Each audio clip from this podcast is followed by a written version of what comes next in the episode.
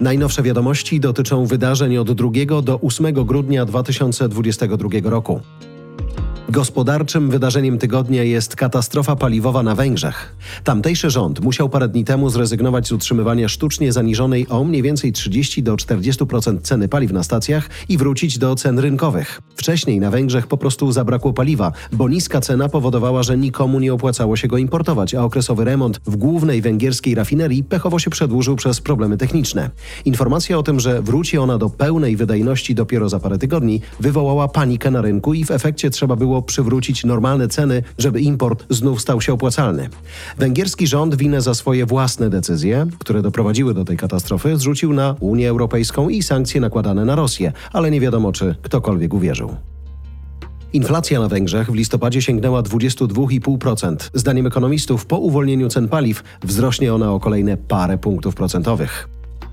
Wspomniane sankcje dotyczą wyłącznie ropy przesyłanej drogą morską. Od kilku dni obowiązuje limit ceny, powyżej której nie można rosyjskiego surowca ani transportować tankowcami, ani nie można takiego transportu ubezpieczać. Rosja odgrażała się, że przestanie sprzedawać ropę państwom, które będą ten limit stosować. Potem zapowiedziała, że wprowadzi limit dolny, czyli cenę minimalną, ale na razie wydaje się, że wbrew wcześniejszym obawom nowy system działa. W efekcie ropa na świecie wyraźnie tanieje, ta rosyjska kosztuje już mniej niż 50 dolarów za baryłkę. Natomiast Natomiast cena ropy Brent zbliżyła się do 75 dolarów za baryłkę i spadła poniżej poziomu, na którym była na początku tego roku. Szef PSL zapowiada, że jest gotowy wesprzeć rząd premiera Morawieckiego w dziele przepychania przez Sejm projektu ustawy ułatwiającej inwestycje w farmy wiatrowe. Kosiniak-Kamysz mówi, że premier ma się nie oglądać na malkontentów Solidarnej Polski, koniec cytatu, i że na najbliższym posiedzeniu Sejmu zgłosi wniosek o poszerzenie porządku obrad o rządowy projekt zmian dotyczący energetyki wiatrowej.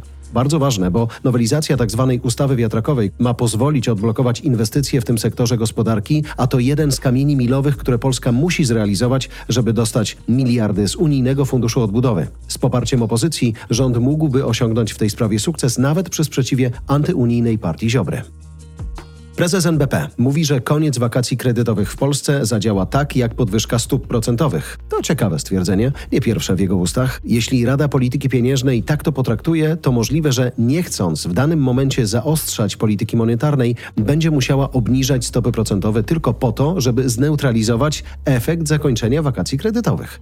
Można więc to potraktować jako czynnik, który będzie zwiększać prawdopodobieństwo obniżek stóp procentowych. Wakacje kredytowe, zgodnie z prawem, zostaną wygaszone w czwartym czwartym kwartale 2023 roku. Sporo dzieje się ostatnio na Bałkanach w kontekście unijnym. Chorwacja już na pewno wejdzie od 1 stycznia nie tylko do strefy euro, ale także do strefy Schengen. Ostatnią potrzebną do tego zgodę wyraziła jednogłośnie Rada Unii Europejskiej. Jednocześnie nie zgodziła się ona na wejście do Schengen Rumunii i Bułgarii, bo propozycję tę zawetowała Austria. Z kolei Bośnia najprawdopodobniej już w tym tygodniu uzyska oficjalny status państwa kandydata do Unii Europejskiej. Decyzja w tej sprawie ma zapaść na najbliższym szczycie unijnym w połowie grudnia.